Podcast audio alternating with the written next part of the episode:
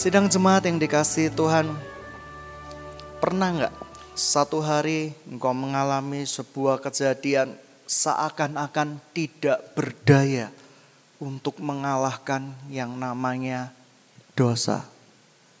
Begitu banyak orang ketika masuk ke hadirat Tuhan, mereka merasa tertuduh, mereka merasa bersalah karena masih ada dosa yang mereka bawa.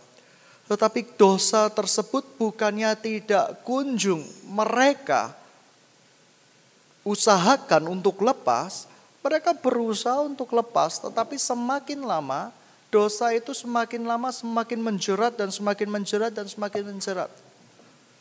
Kalau kita boleh periksa orang-orang yang kecanduan narkotik, itu seperti itu. Mereka pingin lepas, tapi mereka tidak bisa lepas. Mereka mau dilepaskan, tetapi mereka tidak tahu caranya bagaimana untuk lepas. Dan begitu banyak iblis sudah menghancurkan citra diri manusia sehingga manusia ini menjadi seseorang yang seakan-akan percaya kepada Tuhan tetapi tidak percaya dengan kuasa Tuhan. Ini beda. Kita boleh mempercayai Tuhan ada, tetapi kita tidak bisa mempercayai bahwa Tuhan adalah Allah yang maha kuasa yang sanggup untuk menyelesaikan segala perkara kita. Oleh karena itu muncul berbagai macam problem psikologi yang tidak kunjung dipecahkan. Oleh karena itu banyak problem-problem emosi yang tidak kunjung dapat kita menangkan. Nah, pada waktu saya masih perguruan tinggi, pada waktu saya masih SMA, saya banyak menjalin hubungan dengan banyak lawan jenis. Tetapi karena kita berbeda keyakinan, maka saya nggak mau. Masalahnya saya yakin dengan dia, dia nggak yakin sama saya. Itu masalahnya. Ya, kita sangat berbeda soal keyakinan, ya, seperti itu. Nah, teman-teman yang dikasih Tuhan, gitu ya. Tahu kan maksudnya? Aku yakin dia pasanganku, tapi dia nggak pernah yakin kalau saya pasangan dia. Nah, oleh karena itu menciptakan problem-problem emosi. Saya merasa tertolak, saya merasa rendah diri dan yang lain-lain. Oleh karena itu saya berusaha untuk mentransformasikan rasa rendah diri saya dalam bentuk-bentuk yang berbeda. Saya berusaha untuk mencari pacar, uh, tak kunjung selesai, tak kunjung dapat. Saya berusaha untuk meng, mencari kegiatan-kegiatan gereja yang membuat saya bisa eksis waktu itu. Uh, pemain musik saya pernah jalani profesi tersebut dengan satu alat musik, satu kunci dan semua nada sama. Ketika hamba Tuhannya minta kunci F, kunci G, saya selalu berhenti karena saya tidak pernah bisa memainkan itu. Saya ingin bisa memainkan kunci C, keyboard kunci C, gitar kunci C, dan semuanya kunci C. Jadi ketika hamba Tuhannya berkata sama pemain musiknya, ayo nadanya lebih tinggi, naik, naik. Saya diam. Seakan-akan menyembah di dalam roh dan kebenaran. Seakan-akan hanyut di dalam roh dan kebenaran. Saya pernah beralih profesi menjadi song leader Waktu itu suara saya cukup bagus lah. Tetapi agak norak. Waktu itu lagu penyembahan saya buat uh, apa ya? Uh, memang awalnya kan dibuat untuk penyembahan. Saya buat menjadi lagu apa ya? Puji-pujian gitu ya. Ya contoh gitu ya. Saat ku masuk ya kan. Saya nyanyikan dengan lagu, oh dengan rancak. Saat ku masuk gitu ya hamba Tuhannya terbelalak. Ini song leader dari mana gitu ya. Song leader dari Hong Kong gitu. Tapi ya udahlah, itu masa lalu. Ada begitu banyak problem-problem emosi yang tidak pernah kita selesaikan. Saya belajar kebenaran firman Tuhan hanya mencomot dari satu ayat kepada ayat yang lain untuk meneguhkan bahwa cara berpikir saya adalah benar. Berapa banyak orang yang punya problem-problem emosi dari masa lalu yang tidak kunjung diselesaikan? Berapa banyak para suami menekan istrinya dengan kata-kata, "Hei para istri, tunduklah kepada suami." Padahal engkau tidak tahu arti tunduk itu apa. Arti kata tunduk di dalam bahasa yang sebenar-benarnya yaitu menghormati dengan penuh rasa hormat. Contoh seperti ini, kalau suamimu berkata, "Hei, kamu itu jangan beli banyak baju dong." Ya, kita belajar menghormati. Memang kita sudah over membeli banyak baju. Itu menghormati namanya. Tapi kalau suamimu berkata, hei kamu jangan banyak berteman dong. Jangan banyak beribadah dong. Nah ini bukan tunduk sebenarnya. Ini lebih ke arah saudaraku. Ini bukan kata-kata respect. Seorang suami harus memiliki satu kata. Dia harus belajar direspeki oleh istrinya. Nah ini adalah sebuah tolak ukur yang harus kita lakukan sama-sama. Kalau tidak begitu banyak pernikahan yang hancur. Sering kali orang konseling berkata bahwa eh dia nggak pernah tunduk ini. Dia nggak pernah taat ini Bapak Pendeta. Saya bilang mana ayatnya istri suruh taat kepada kamu. Ayatnya hanya istri tunduklah kepada suami. Ya kan? Dikatakan di sana taat hanya kepada Kristus. Kalau suamimu menyuruh kamu taat untuk menyembah mamon, apa kamu taat? Ya enggak juga sih. Tetapi dia menggunakan kata tunduk. Saudara, tunduk itu berarti hormat, respect. Karena dia layak direspekin. Walaupun dia tidak layak direspekin, kita menjawab dengan respect, dengan hormat. Tetapi tidak semua keinginannya harus ditaati. Mengerti maksud saya? Hei wanita, populasi yang terbanyak di bumi ini. Mengertilah perbedaan antara kata tunduk dan kata taat. Ya, taat kita hanya kepada Kristus. Jikalau engkau punya pacar, teman spesial berkata, cium aku, tunduk kamu sama aku. Ini orang nggak perlu dihormati, buang saja. Iya kan? Lempar dia jauh-jauh. Hei, kamu harus tunduk sama saya. Saya kan calon suamimu gitu ya. Kamu harus belajar merangkul saya. Ya kan? Weteng tresno jaralan soko kulino. Kalau kamu tidak terbiasa dari sekarang, bagaimana kamu bisa terbiasa nanti kalau saya jadi suamimu? Ini orang gila. Orang gila tidak perlu direspekin. Ya kan? Apa yang harus kita lakukan? Yaitu kita harus melawan dengan iman yang teguh. Supaya iblis pergi. Ya kan? Pernah ada satu anak wanita yang saya ajarin seperti itu. Dia menghadapi godaan dengan pacarnya yang aneh-aneh. Dia pendiam sekali. Nun jauh beberapa tahun di sana waktu saya masih di kampus. Satu hari pacarnya kabur. Pacarnya berusaha untuk cium dia dan dia praktekkan apa yang saya ajarkan menurut firman Tuhan. Kok sampai pacarmu seperti itu, kamu lawan dengan otoritas dia berkata, ya, dia teriak di sebuah kos-kosan, ya, dia teriak di sebuah kos-kosan yang ada di blok uh, mie, ya, yang ada di blok mie ayam yang sering dikunjungi anak-anak, gitu ya. Dia teriak dengan teriakan yang penuh otoritas. Dia pendiam, gitu ya. Di depan gitu, ketika suasana remang-remang, dia teriak seperti ini. Teriakannya apa? Hai orang cabul, pergi! Penjual mie tung-tung kaget. Penjual mie duk-duk kaget. Dia bingung. Pacarnya pergi. Bukankah kita punya otoritas, men? Amin. Amin. Pacar mungkin kaget. Dia menyumpai-nyumpai saya sebagai leader di kampus. Oh, kurang ajar orang itu gitu. Apa yang dia kamu ajarkan? Saya tidak mengajarkan demikian. Tapi mungkin karena saking terpendamnya ya, waduh, saking tertekannya dia mengeluarkan auman singa Yehuda gitu ya. Wah, gitu ya. Sehingga semua aktivitas perdagangan mendadak berhenti. Semua wajah menoleh ke kos itu. Beberapa orang berlarian, ada apa? Ada apa ini gerangan? Gitu ya. Cowoknya tiba-tiba yang tadinya bukan pembalap terkenal menjadi pembalap terkenal. Hmm, gitu ya seperti itu. Untung nggak nabrak. Teman-teman yang dikasih Tuhan, sidang jemaat yang dikasih Tuhan, beda. Tunduk dengan taat itu beda. Beda konteks sekali. Banyak orang menggunakan kata-kata tunduk dan taat.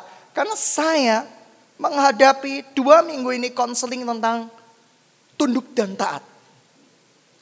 Saya tidak tahu itu semua teman-teman saya yang udah menikah, dia berkata bagaimana cara saya bisa taat kepada suami saya. Suami saya suruh saya untuk menyembah Allah lain. Suami saya lebih suka saya ini menjadi boneka Barbie. Yaitu di rumah dikurung di dalam satu kamar dan dijadikan pajangan buat dia. Saya tidak boleh beraktivitas ke mana pun. Apakah saya harus tetap tunduk dan taat? Ko suami seperti itu. Ini citra diri suami yang belum pulih. Ya. Istri keluar rumah dikit, selingkuh.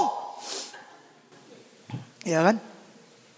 Istri keluar beli permen dikit, dihardik, dimarahi. Gitu ya. Istri keluar apa ya?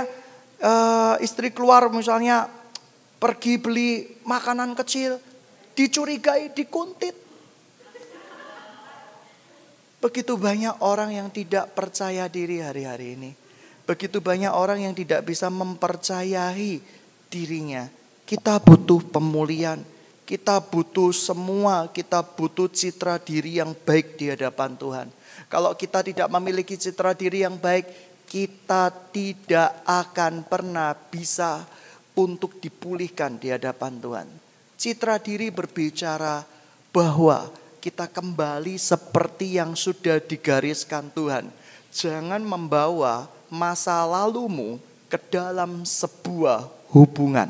Sekali lagi, jangan pernah bawa masa lalu kamu di dalam sebuah hubungan. Contoh, ada seorang ibu ya yang tidak pernah dihormati oleh suaminya. Dia berkata kepada calon anaknya dan anaknya, "Hai hey anakku, kalau besok cari suami, cari suami yang nurut sama kamu dan taat sama kamu dan respect sama kamu." Ya kan? Wah, seperti itu. Dan suami-suami yang belum dipulihkan karena istrinya jauh lebih berkuasa daripada dia, Akhirnya dia mengeluarkan slogan, saya akan cari istri yang bisa dipajang di kamar, yang bisa dipajang di rumah. Tidak boleh keluar rumah, tidak boleh keluar kamar, tidak boleh keluar, wes pokoknya tidak boleh yang lain-lain. Tidak boleh naik sepeda, nanti jatuh. Tidak boleh naik mobil, nanti ketabrak. Wah ini orang gila gitu ya seperti itu. Orang yang seperti ini harus mendapat pemulihan terlebih dahulu. Nah Teman-teman yang dikasih Tuhan, sidang jemaat yang dikasih Tuhan, mari kita melangkah di dalam uh, di dalam yang lebih lanjut bahwa masa lalu kita ini harus kita menangkan. Kalau tidak, kita tidak akan pernah dapat yang namanya kemenangan. Lalu bagaimana cara mengalahkan masa lalu kita yang tidak kunjung kita bisa menangkan? Mari kita baca ayatnya di dalam dua Raja-Raja 18. Dua Raja-Raja 18. Ayat yang ke-13.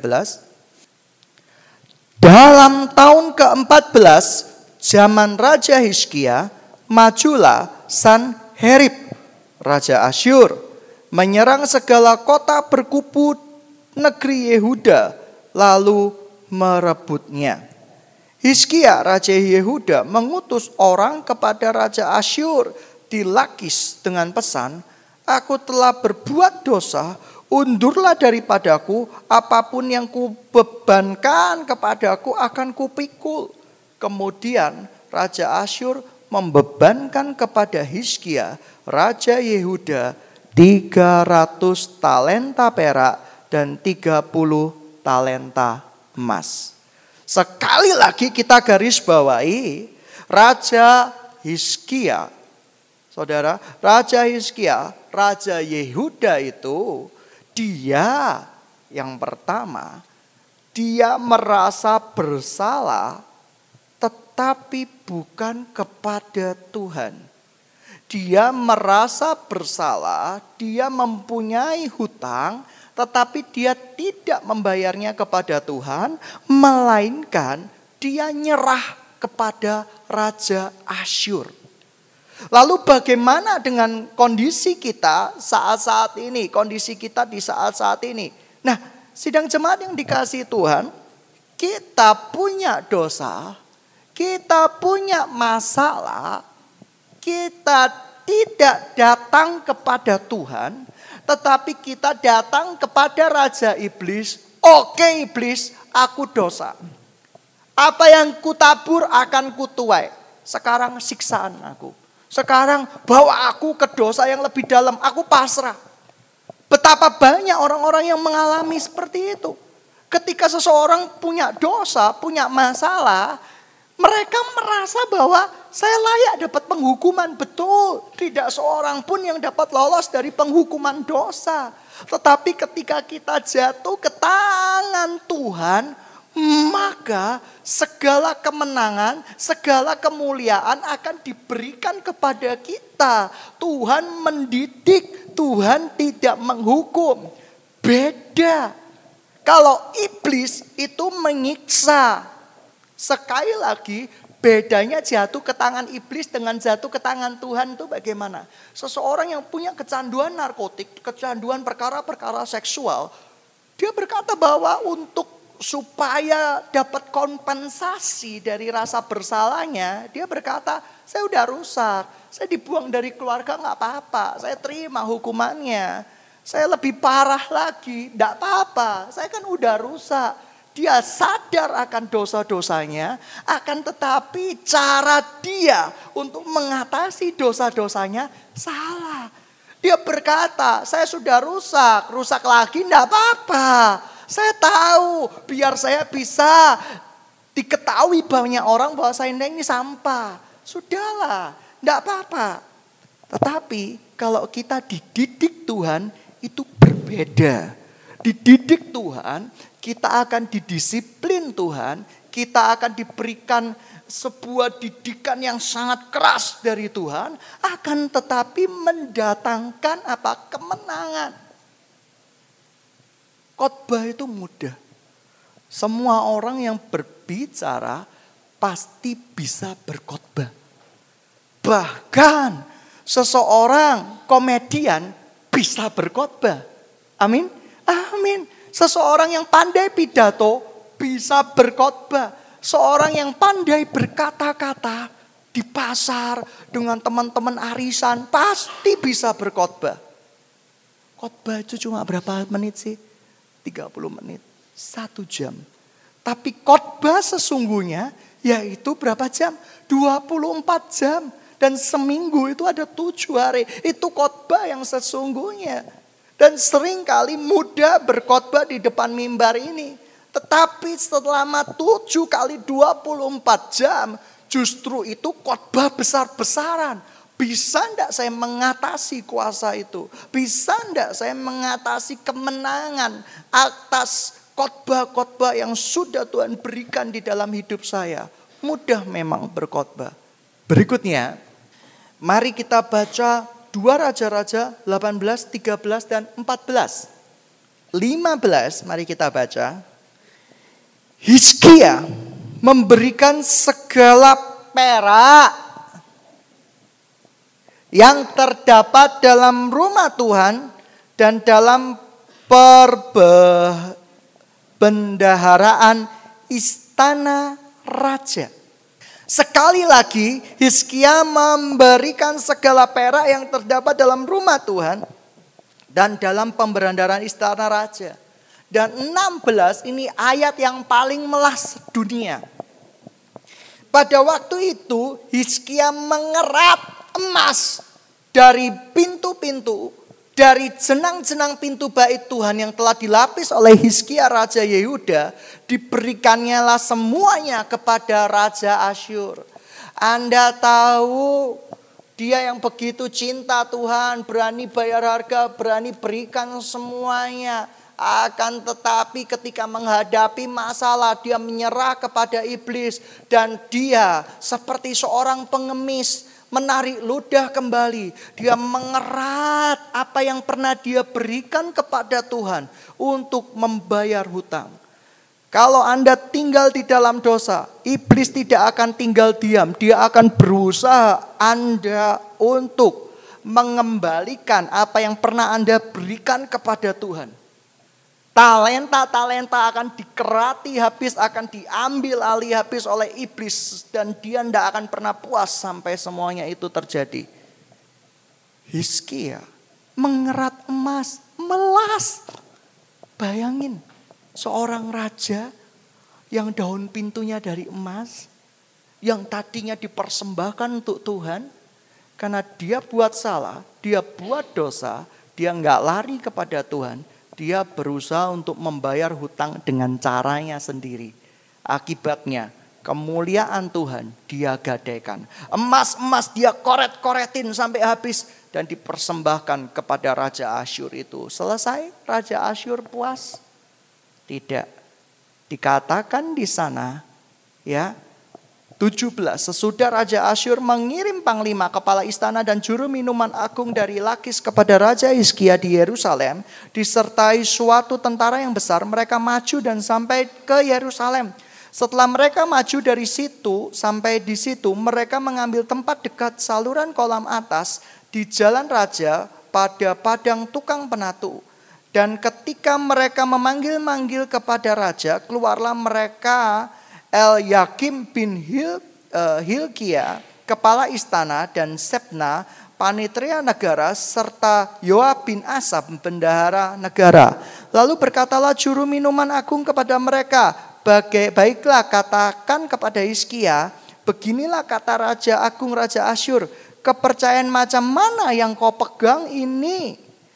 Kau kira hanya ucapan bibir saja dapat merupakan siasat dan kekuatan untuk perang. Sekarang kepada siapa engkau berharap, maka engkau memberontak terhadap aku. Saudara, iblis selalu menginginkan lebih atas kejatuhan anak manusia. Dia nggak akan pernah puas kalau manusia itu sampai tergeletak tidak berdaya. Kamu lihat pernah lihat film gangster-gangster yang besar? Ditembak satu lututnya sakit cukup? Tidak. Dia akan tembak dua kaki, dia akan tembak tangan dan yang terakhir dihabisin kamu. Itulah iblis. Dia tidak akan pernah puas sampai menghabisi kita. Hati-hati, hati-hati. Masa lalu bisa menjadi celah besar di dalam senjatamu, di dalam peperangan rohani. Bereskan masa lalumu sebelum terlambat. Amin. Amin. Anda tidak akan pernah bisa membereskan masa lalu ya dengan cara membayar harganya sendiri. Masa lalu itu berbicara apa? Saya tadi udah cerita, ada orang yang punya masa lalu dibesarkan dari keluarga yang istrinya dominan. Bahkan ada yang dibesarkan dari keluarga yang ayahnya dominan biasanya bisa menjadi seperti ayahnya atau bisa berkebalikan, kepingin menjadi seperti ibunya. Hati-hati, ini masa lalu yang tidak pernah dibereskan. Masa lalu yang tidak pernah dimenangkan. Sekalipun dia kali kalibernya hamba Tuhan, dia tetap punya masa lalu ada nggak hamba Tuhan tiba-tiba dikirim dari surga dan ting ting ting ting umur 30 wah gitu ya tidak pernah punya masa lalu sama sekali semua orang pasti punya masa lalu kecuali orang yang hilang ingatan ya kan hilang ingatan oh siapa ya saya nggak punya masa lalu teman-teman yang dikasih Tuhan apa masa lalumu yang tidak kunjung kamu bereskan walaupun tuh kelihatannya sepele suatu saat kamu akan bayar dan kamu bayarnya bukan kepada Tuhan. Tuhan itu pengampun. Amin. Kamu akan bayar kepada iblis. Kamu tidak selesaikan. Iblis minta lebih besar. Tagihannya lebih besar. Nah teman-teman yang dikasih Tuhan. Sidang jemaat yang dikasih Tuhan. Nah banyak sekali orang-orang saya rasa, saya rasa mungkin di saudara-saudara saya yang uh, saudara jauh saya, itu juga banyak sekali yang berhutang kartu kredit. Mereka tidak bisa membayar. Kenikmatan sementara berbuah panjang. Kalau orang nggak bisa bayar kartu kredit, biasanya apa? Minta ampun sama Tuhan atau mencari alasan atas pembenaran kartu kredit itu. Ya gajiku cuma 10 juta, cuma 10 juta gitu ya. Aku udah bisa memberikan anakku gitu ya. Anakku ada lima, aku kepingin masing-masing kasih dia iPad yang betul, iPad yang iPad 3 gitu ya. Gak cukup makanya perlu kartu kredit. Nah ini orang gila, ini orang tidak benar. Ya, ukuran cukup itu berapa sih? Kalau kamu disertai dengan ucapan syukur maka ya cukuplah. Itu cukup. Tetapi kalau engkau bersungut-sungut tidak akan pernah cukup. Manusia tidak akan pernah bilang cukup. Kita kembali ke raja yang ganteng dan tampan ini. Tetapi juga kasihan deh gitu ya seperti itu. Satu hari kalau engkau pergi ditawan oleh iblis. Anda merasa bersalah datang sama Tuhan Sekalipun kau malu ketemu sama Tuhan, datang kembali. Tidak apa-apa, mendapat didikan Tuhan jauh lebih penting daripada menghadapi siksaan iblis. Dahulu ketika saya nakal, saya dididik. Memang didikannya cukup keras. Ya, pakai bambu. Uh, penebah kasur tau ya.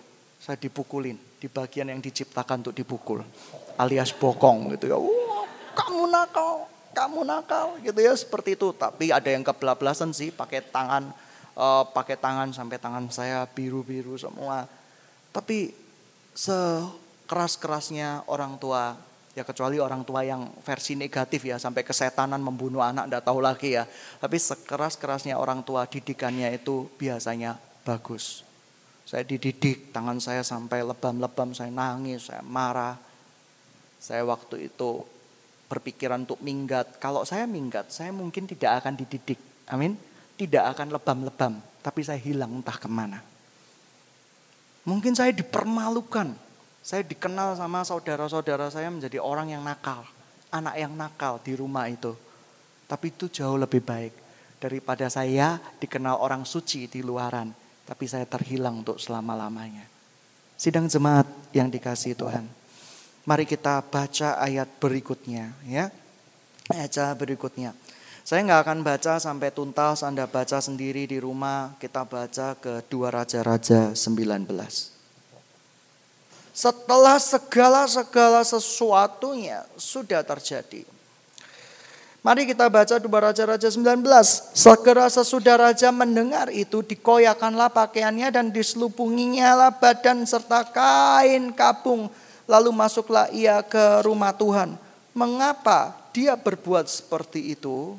Ya, Mari kita baca bahwa Raja Hizkia ya dia terkena yang namanya proses penyadaran ilahi. Kita baca dua Raja-Raja 18 ya.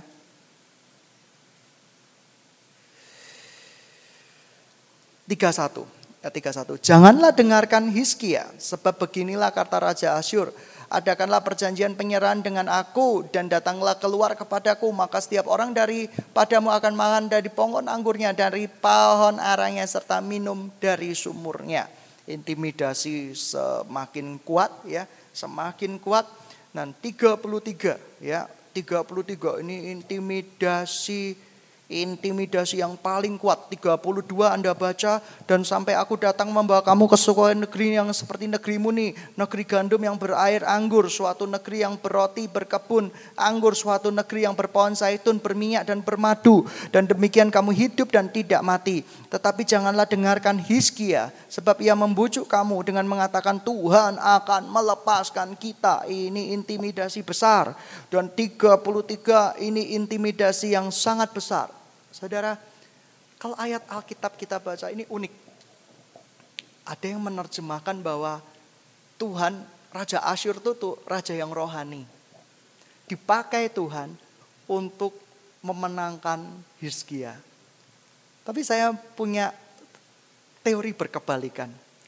Raja Asyur ini secara tidak sadar atas seizin Tuhan diizinkan untuk memakai pola-pola iblis untuk mengintimidasi Hizkia. Kamu tahu, begitu Hizkia mau bangkit, bilang sama rakyatnya, kita pasti lepas dari Asyur. Lalu Raja Asyur bilang sama rakyatnya, tidak ada dalam sejarah men, orang bisa lepas dari Asyur. Jangan dengarkan Hizkia. Anda tahu itu, itu intimidasi yang besar. Ketika seseorang mencoba bangkit, mencoba untuk give up gitu ya. Tetapi ya dengerin intimidasi. Tidak ada di dalam sejarah men orang menang lawan Lucifer. Tidak ada di dalam sejarah men bahwa orang bisa menang lawan panglima perang iblis. Dan kita takut dan dikatakan tidak ada di dalam sejarah men ada revival yang besar-besaran yang bisa mengguncang bumi ini. Dan kita takut sekali akan hal-hal tersebut. Tapi lihat apa yang dilakukan Hizkia. Ya. 19. Dia mengoyakkan pakaiannya, diselubungnya badannya dengan kain kapung. Lalu masuklah ia ke rumah Tuhan. Baru dia nyadar Baru dia sadar, kita perlu Tuhan, kita perlu Yesus. Banyak orang yang berusaha untuk persiapkan khotbah sedemikian rupa caranya. Dia bikin kerangka khotbah, kata-kata dibikin kata-kata yang bagus, yang penuh dengan uh, seakan-akan penuh dengan kuasa. Tapi kalau kita tidak pernah punya hubungan dengan Tuhan, maka nggak akan ada kuasa di dalam khotbah tersebut yang ada cuma kuasa penyedaran sementara. Sementara kuasa yang kekal itu tidak akan pernah ada. Oleh karena itu sidang jemaat semua miliki hubungan dengan Tuhan. Miliki hubungan dengan Tuhan. Supaya apa? Supaya senjata rohanimu makin lama makin terlatih. Dan bukan tanpa sadar dicuri oleh iblis dan digantikan oleh senjata rohani yang palsu.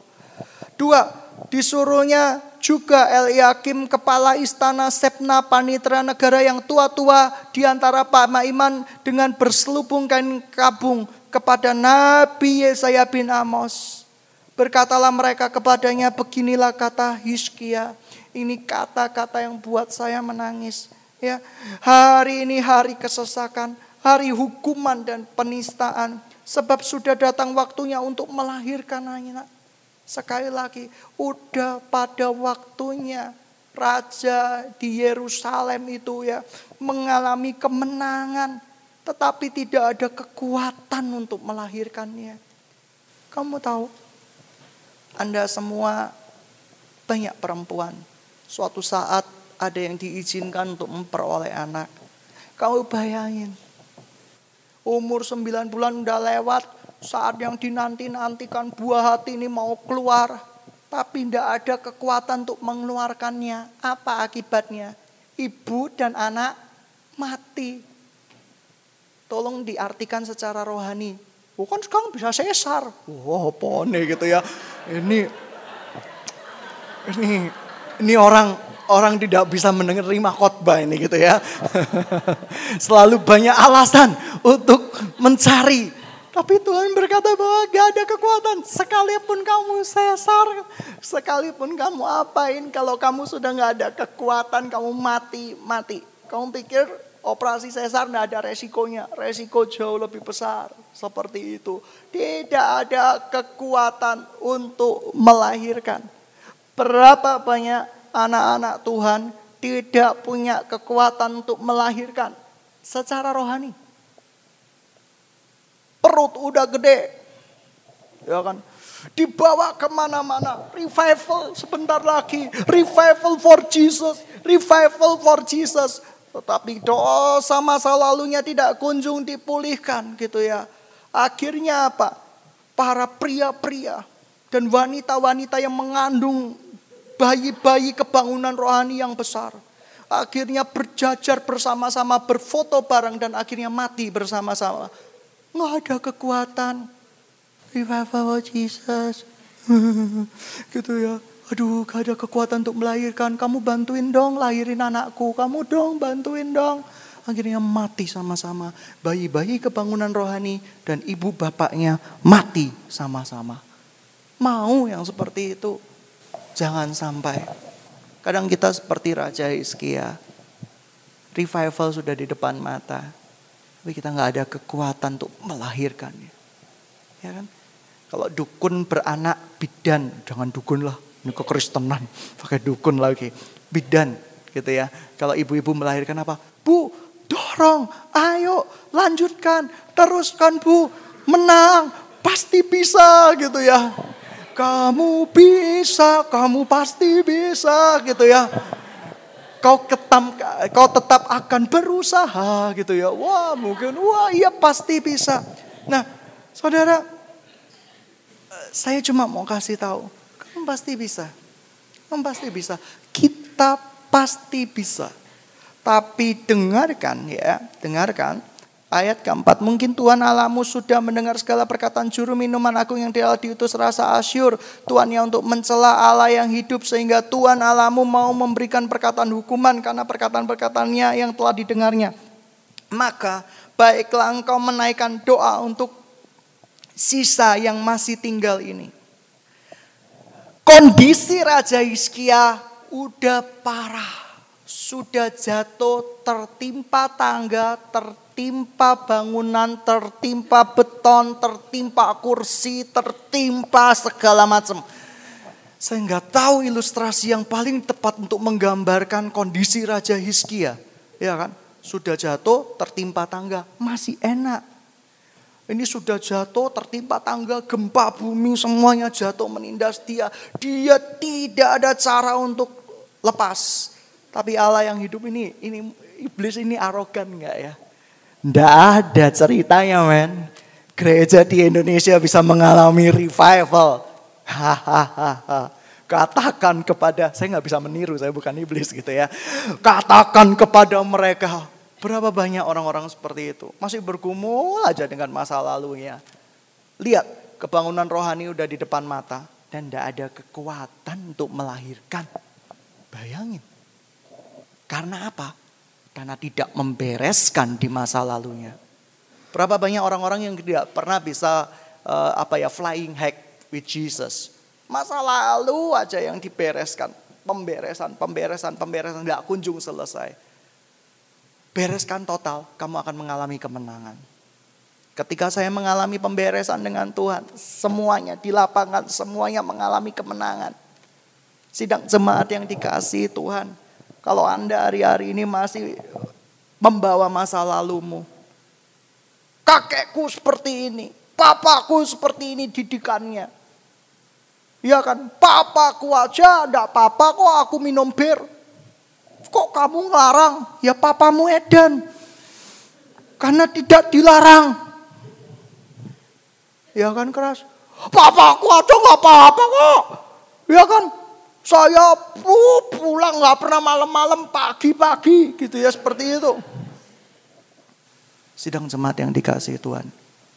Kita ada ribuan alasan untuk gagal. Tapi kita punya satu alasan untuk hidup. Kita begitu banyak ribuan alasan untuk meninggalkan gelanggang pertempuran ini. Ribuan alasan. Tapi kalau kita mencintai Tuhan.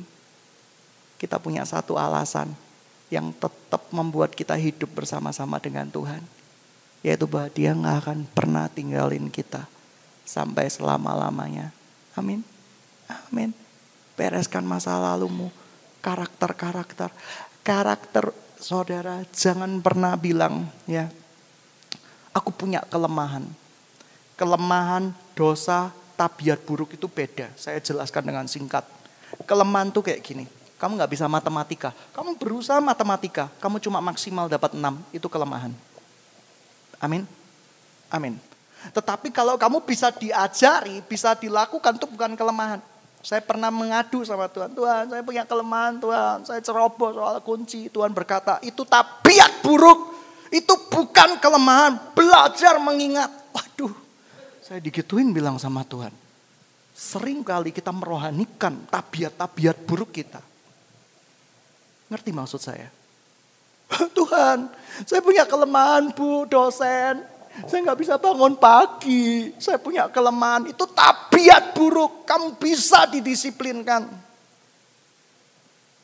Oh janji sama orang nggak tepat waktu. Itu tabiat buruk. Itu bukan kelemahan. Mengerti maksud saya? Begitu banyak orang yang merohanikan tabiat buruk dengan kelemahan. Dan dosa, tabiat buruk, jikalau tidak kunjung dimenangkan, akan berbuah menjadi celah dosa. Ya, saya garis bawahi, tabiat buruk yang tidak kunjung dimenangkan akan menjadi celah dosa.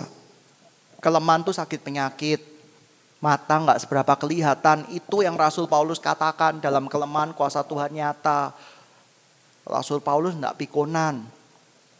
Rasul Paulus suka bangun pagi. Rasul Paulus suka tidak uh, pernah ngilangin kunci mobil karena waktu itu tidak ada mobil. Ya kan? Bayangin kalau Rasul Paulus melakukan seperti itu ya. Atau kunci kereta kuda. Kuda zaman dahulu dikunci nggak ya? Seperti itu. Uh, gitu ya. Bayangin. Ayo kita mau mengunjungi jemaat Tesalonika. Gitu ya. Wah ribet. Loh kunciku di mana? Loh kunciku di mana ini? Kunciku di mana? Gitu ya seperti itu. Wah mereka nggak tahu akhirnya. Ayo kita buka gemboknya Rasul Paulus. Gimana caranya? Uh, pakai pakai kawat. Kawat belum diciptakan waktu itu. Wah, pakai benda-benda yang lain lah gitu ya. Uh, dibuka.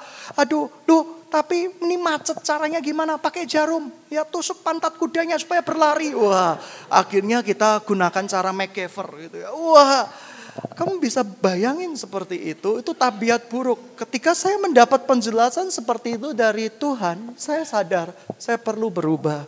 Saya selalu mengatakan, yes ini kan kelemahan.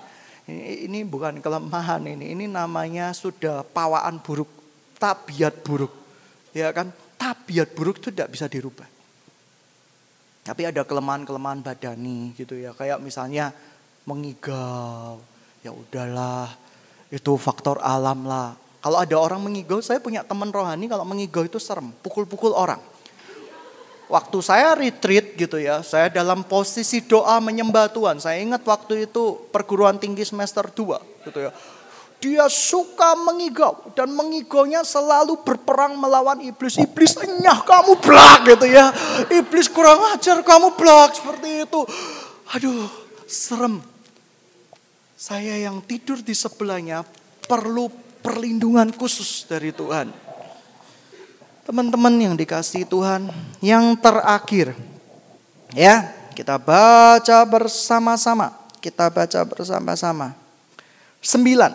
Pada raja itu mendengar tentang Tirhaka, raja Ethiopia, berita yang demikian. Sesungguhnya ia telah keluar berperang melawan engkau. Maka disuruhlah kembali utusan-utusan kepada Hizkia dengan pesan. Beginilah kamu katakan kepada Hizkia Raja Yehuda, janganlah Allah kamu yang kamu percayai itu memperdayakan engkau dengan menjanjikan Yerusalem tidak akan diserahkan ke tangan Asyur. Iki lebih parah. Teman-temannya Lucifer ikut campur.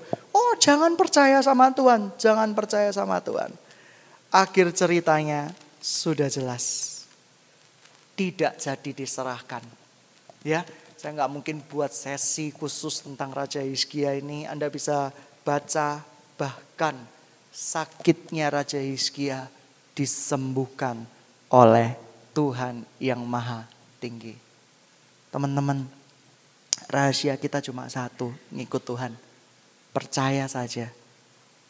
Rahasia kedua apa? Taat. Taat itu berubah kemenangan. Hanya pada Tuhan sajalah kita taat. Amin. Begitu banyak orang yang berusaha untuk memperkaya dirinya dengan cara-cara duniawi. Begitu banyak orang yang begitu mendengarkan kata-kata iblis bahwa dia tidak akan pernah memperoleh kemenangan, bahwa dia tidak akan memperoleh pemulihan. Apa yang harus kita lakukan? Sadari, di dalam diri kita ada masa lalu yang harus kita menangkan. Sadari di dalam diri kita yang menjadikan kita seperti ini ada tabiat-tabiat buruk yang nggak pernah kita disiplinkan. Kalau dosa, Tuhan bisa kirimkan kekuatan untuk mengalahkan dosa. Tapi kalau tabiat buruk, yang akan membuka pintu celah dosa harus kita usahakan dengan segala kekuatan kita, segala akal budi kita. Sidang jemaat yang dikasih Tuhan banyak orang yang mencari cara pintas untuk kaya. Mereka tidak mau berusaha, tidak mau bekerja keras. Mereka mencari-cari cara yang gampangan. Mereka untuk mencari-cari cara yang mudah. Begitu banyak pasukan Tuhan yang menyerah di dalam peperangan dengan begitu banyak alasan. Karena ada sekeliling, ada sekitarnya yang pasukan Tuhannya cuma berjalan sendiri. Tidak ada yang support dia secara finansial, tidak ada support dia dan yang lain-lain. Tapi saya mau kasih tahu. Kalau kita datang sama Tuhan hari ini, segala dosa kita, segala kelemahan kita, kita serahkan. Maka Tuhan akan berkata kepada kita, Hai anak-anakku, engkau Yerusalemku. Dan Yerusalemku tidak akan pernah jatuh ke tangan musuh-musuhku. Engkaulah Yerusalem Tuhan. Engkaulah kemenangan Tuhan. Engkaulah kesayangan Tuhan, engkaulah biji mata Tuhan. Tidak ada seorang pun yang dapat memahaminya. Tetapi engkau tinggal mempercayainya. Hari ini ada berita kemenangan yang sudah diberitakan kepada Tuhan. Bahwa hanya kepada Tuhan saja itu kekuatan kita. Itu kemenangan kita. Jangan takut, jangan takut. Aku menjagamu kata Tuhan. Jangan takut, aku menopangmu. Aku bersama-sama dengan engkau. Memiliki hari depan yang penuh pengharapan. Taati aku. Percayai kata-kataku tinggali kata-kataku itu dengan imanmu yang paling suci. Maka aku gak akan pernah meninggalkan engkau. Yesusku engkau baik. Engkau baik Tuhan. Engkau baik. Engkau segalanya bagi kami. Engkau segalanya bagi kami. Aku masuk Tuhan.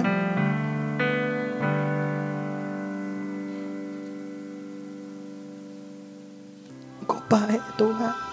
Engkau baik.